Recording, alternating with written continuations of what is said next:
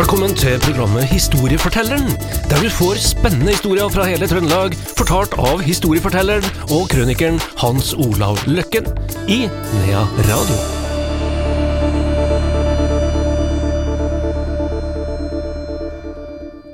Her er Nea Radios historieforteller på plass igjen. Hans Olav Løkken, velkommen. Jo, takk du. Takk. Eh, livet henger av og til i en tynn tråd, viser det seg, og det skal dagens historie handle om. Ja, det er eh, et under. Mm. De eh, tre jentene vi nå skal snakke om, ja, de skulle ikke vært i live. Det er eh, ingen som kan forklare, i og for seg, hvorfor de fortsatt er med oss, da. Men vi skal da tilbake til en septemberdag i 1984, det er ikke så lenge siden. Og det er da tre jenter som skal eh, være på ei eh, hytte på Skatval. Og eh, de heter da Karen Prutz, Rita Lysholm og Marte Aursand. Og de lever den dag i dag, da, som vi skal få høre mer om. Den ene er på Tolga, andre på Røros, og den tredje lever på Hovin. Eh, De skulle være en lørdagskveld på hytta til foreldrene til eh, hun eh, Marte Aursand. Dette var tre jenter som hadde vokst opp i byen. Og med en gang så vil jo vi fjellfolket eh, selvfølgelig si at det var ikke noe til, det var ikke noe til tess, ikke sant, de klarer seg ikke i naturen. Men eh, jeg har nok eh, måttet be om unnskyld mange ganger i livet når jeg har bedømt eh, byfolk. Det er nok mange av dem som er ganske tøffe. Jeg husker på befalsskolen eh, når jeg gikk der, det var jo en to-tre der som jeg var helt sikker på aldri kom til klare å gå med en ryggsekk, og vi ville ikke kunne klare seg, men når vi var på hele fem ukers øvelser og uten mat og sånn langt inn i Setesdalsheien og sånn, så holdt dem ut, for de hadde viljen. Og tærn, så det betyr ikke så veldig mye akkurat å være født, bare du har de rette genene. Og de tre jentene her, de har de rette genene. Og uten å fornærme dem eller noen andre, så tror jeg kanskje Det er mulig at, jeg, at, vi, at folk kan misforstå ordet, men de var kanskje ikke akkurat der vi kaller guttejenter, men de var ikke langt fra. De, var, de hadde vokst opp veldig mye i naturen. Tøffinger, altså. Tøffinger. Sjøl om de var trondheimsjenter, så har de brukt all fritid, helger og, og alt, de har vært mye på tur og teltturer, og du herdes. Du herdes kolossalt ved å ligge ute noen netter. Så lærer du òg. Så lærer du av det. Og det var kanskje det som berga dem, for det sier de jo sjøl til meg, når jeg har prata med dem etterpå, at de, eh, de, de var ganske tøffe og, og kalde på mange måter, da. Disse er da på en, eh, på ei hytte, og hadde bestemt seg for å dra ut i en eh, plastjolle her, og fiske litt. Bare det var litt sånn uvanlig, tre jenter, ikke sant, i 84. Her, det var jo liksom ikke så mange jenter som verken fiska eller, eller er på jakt, men dette er jo da folk som er både fiskere og på jakt. da. Her, og I dag så er det jo ganske vanlig blant mange jenter å gå på jakt. Så de hadde da dratt ut på sjøen. Så parkerer vi dem litt der, fordi at uh, det er en som heter Ivar Veiseth Aune, som bor i Solbakkan i Humlevik. Han har sjark. Han har en egen sjark som han kaller Laila. Ja, og eh, han var ute som hobbyfisker stadig vekk. Og den her lørdagen så hadde han, eh, han og kjerringa og familien tenkt at de skulle dra innover eh, Trondheimsfjorden, rundt eh, Steinvikholm og innover der, da, på, eh, mot noen små holmer som heter Skarvan, og, og inn mot Fetnefjorden og innover der. da.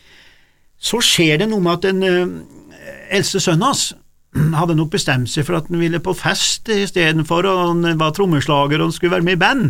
Og det kom opp nå i august. Da først kom sannheten frem hvorfor han, eh, han eh, liksom ville ikke være med. Sånn at hun mora måtte kjøre ham en plass. Altså, her, her begynner dominobrikkene nå å rulle, ikke sant?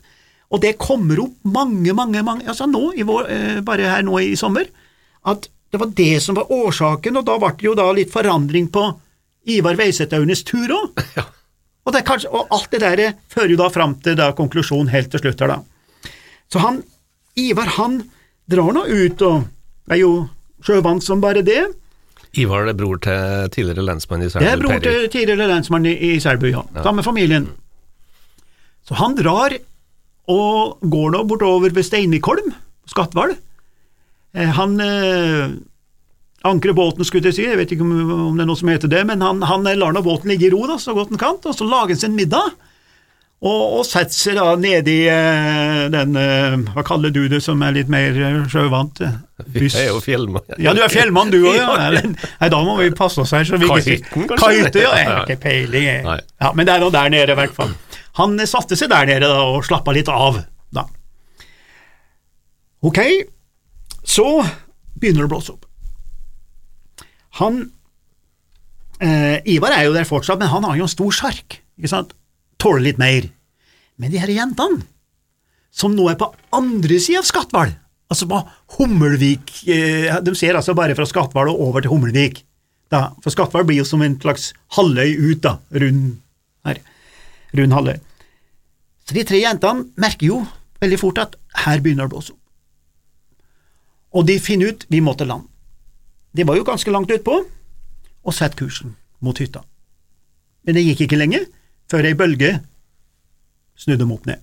De havna alle sammen da i sjøen, hadde ikke redningsvest, 84, eh, var vel ikke kledd for verken det ene eller det andre, og så hadde hun her eh, Marte Aursand straks før sett en eh, film fra Norske Veritas, tror jeg, hun fortalte, om at eh, hvis du havner i vannet, så skal du holde i ved båten, ikke begynne å svømme.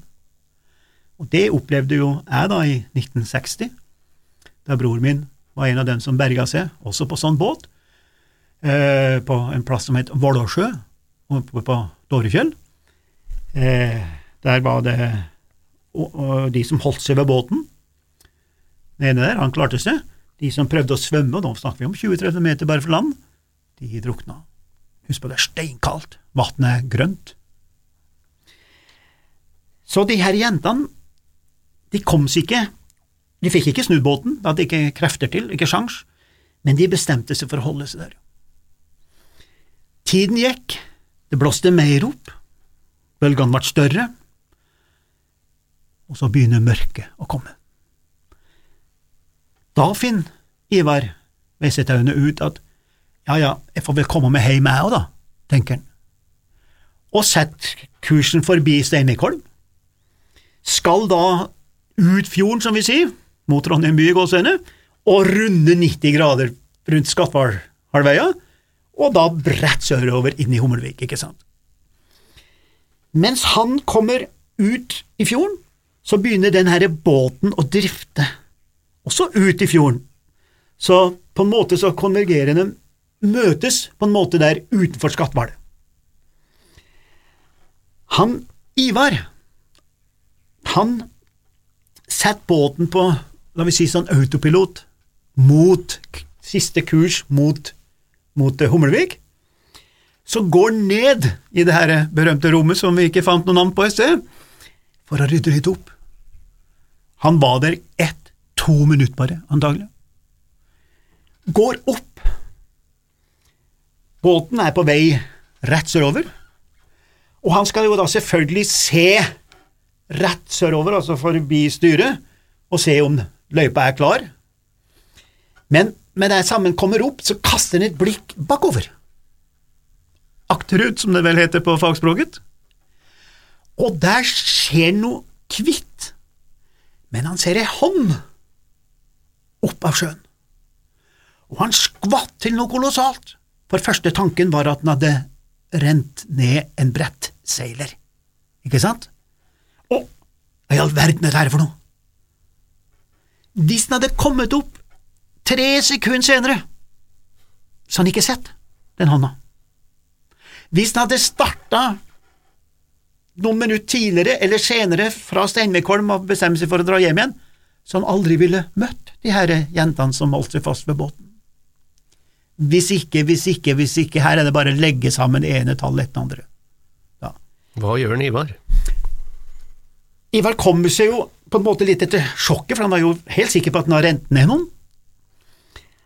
Han kutter jo motoren, og får snudd båten, og så kommer han med en forklaring som ikke jeg skjønte noen ting av, for det var teknisk, og det var sjø, sjø, sjøspråk, og det var øh, hvordan du skal ta opp folk fra sjøen. Men du vet, vi fjellfolket, vi, vi driver ikke ferd på hav og sjøen, vi, vi går rundt, vi. Så han, han forklarte noe med at du skal legge opp båten sånn og sånn, og så er det farlig for med den andre båten, og jeg skjønte ingenting, men jeg skjønte at det var en prestasjon den gjorde, for den må ta opp én og én person, da. Så da viser det seg at de her jentene har ligget 90 minutter i sjøen, påstår de. Og det, det, det sier de med fullt alvor, og, det, og, og Ivar sier òg at det måtte ha vært så lang tid. Og, men 90 minutter i slutten av september, det er ganske lang tid i en kald sjø, altså. Og jeg spurte dem, de måtte jo være redd.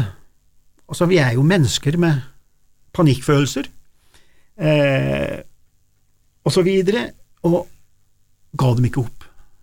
Det er jo ofte det som skjer, du gir opp, til slutt er det ikke mer krefter heller, ikke sant. Her. Men de sier at de aldri ga opp. De ga ikke opp, altså. Påstår de hele tiden. Og de, de begynte nesten til slutt, sier hun Marte til meg her, så begynte de nesten med en slags ironi, en galgenhumor, for å oppmuntre hverandre, og spilte ut et sånn register av sånn sånne hvis og, og ja, det og det, og for ikke å få negative tanker, og det er kanskje smart, det, her. Og han Ivar, han berger jo de tre jentene, når ved en helt tilfeldighet, det var jo ingen andre i Trondheimsfjorden da det stygge været der, og han kommer dem, får av dem klærne, kommer inn til kaiplassen sin i Hummelvika, låner vel en telefon eller noe sånt der nede i klubbhuset, for det er vel et klubbhus de har i noe sånt der, og ringer til kjerringa og sier at den har tre nakne jenter i den der kahyta, eller hva du kalte det da, der, tre nakne jenter. Så kjerringa skvatt jo, vet du, hva er det for noe, så han sier bare jeg har tre nakne jenter, kom med klær. Ja. Og kjerringa kom jo nedover da, med klær åt dem, og prøvde å få i dem varme, og det var jo ikke noe som het psykiatrisk krisehjelp den gangen. I dag så får du jo psykiatrisk krisehjelp bare du har flis i fingeren, omtrent. Så det var liksom ikke noen som sto klar, vet du. Og det spurte jeg om. Ja, men eh, oppsøkte ikke lege og fikk liksom godkjennelse for å la være å gå på sykehus, for i dag så blir jo lagt inn tvert og sånn. Det var ikke deres tanker helt. Det var ikke deres tanker å tenke i de baner. Det var kommet i land, de, var fornøyd, og klær han fått, og mat hadde de fått, og Dagen gikk videre og ut, og livet gikk videre.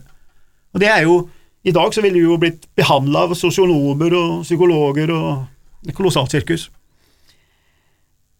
Men det er klart de har fått ettertanke. Hvor nære på? Og kanskje har de fått skyldfølelse. Altså, hvorfor dro de ut, hvorfor hadde de ikke redningsvest og alt det der, men det var heller ikke tankene deres i dem. Her. Husk, nå, nå er vi tilbake til at dette er en tre spesielle jenter som er ganske tøff, og tror de skal klare det meste, og det var kanskje det som berga ham, da. Men vi er ikke ferdige, skjønner du, fordi at Marte Ørsand, da, her, hun driver med hunder i dag, forresten. De velger å kjøre sånn løp og velger hva det er for noe. Da. Og hun var også ute og holdt på å miste livet 1. januar i 1992. Det er vel en av de verste nyttårshelger etter krigen, tror jeg, i 92. Da hadde de gått inn nyttårskvelden fra eh, ja, ikke så langt fra Ås i Tydalen, i hvert fall, og gått inn til Ramsjøhytta og sånn. Blåste, var litt dårlig vær, men ikke for de her, da. Det var ikke noe dårlig vær, men for oss andre så har det antagelig vært styggdårlig vær, da. Hadde hundespann, hadde med seg mye, hadde nyttårsaften der inne, og skulle gå hjem igjen dagen etterpå. Det gikk, og plutselig så kom det forferdelige været. Og det kom så fort, sier Marte, at pulkene og bikkjene ble bare kasta opp i været. Og den, det var jo vært så mildt, vet du, sånn at snøen ble jo flak, som frøs. Det var som, som prosjektil, vet du. Is som, som fløy av gårde. Virkelig farlig. Bikkjene det var en sånn type setter eh, som ikke jeg har sånn rede på, men de har sånn ragg under buken, så når det er en temperatur på omkring eh, frysingspunktet, så, så fester seg baller på så de klarer nesten ikke bevege seg. De måtte skjære løs hundene da. ene hunden han stakk jo av fordi det var en av eh, mannfolkene her som eh, mista votten, og da reagerte jo hun tvert. Både votten og hun ble jo borte i lang tid. Men da var, da var det så nære på. Og De har ikke bundet seg sammen, men de skulle jo prøve å binde seg sammen, for det er jo fornuftig. De skal gå og sånn. Og De ser jo ikke noe, det, du får ikke puste, vet du, hvordan her. Og har jo sagt at nå trodde hun kanskje at nå var det hennes tur. da. Og luntene er kort. Og det er det farligste som skjer når du er i en gruppe mennesker. Samholdet. Det her med ikke gå i tottene på hverandre. Hvem skal gå først? Altså, begynne å tenke litt klart. Og hun følte at det her ble mer og mer dramatisk. Så ble hun kvalm. Og Marte. Og eh, da kom hun på ja, ja, jeg er jo kvalm fordi at jeg er gravid. Og det berga livet hennes. Da ga hun ikke opp, og hadde noen å kjempe for. Og sønnen er i dag 26 år. Takk til historiefortelleren vår, Hans Olav Løkken. Et nytt program kommer i morgen til samme tid.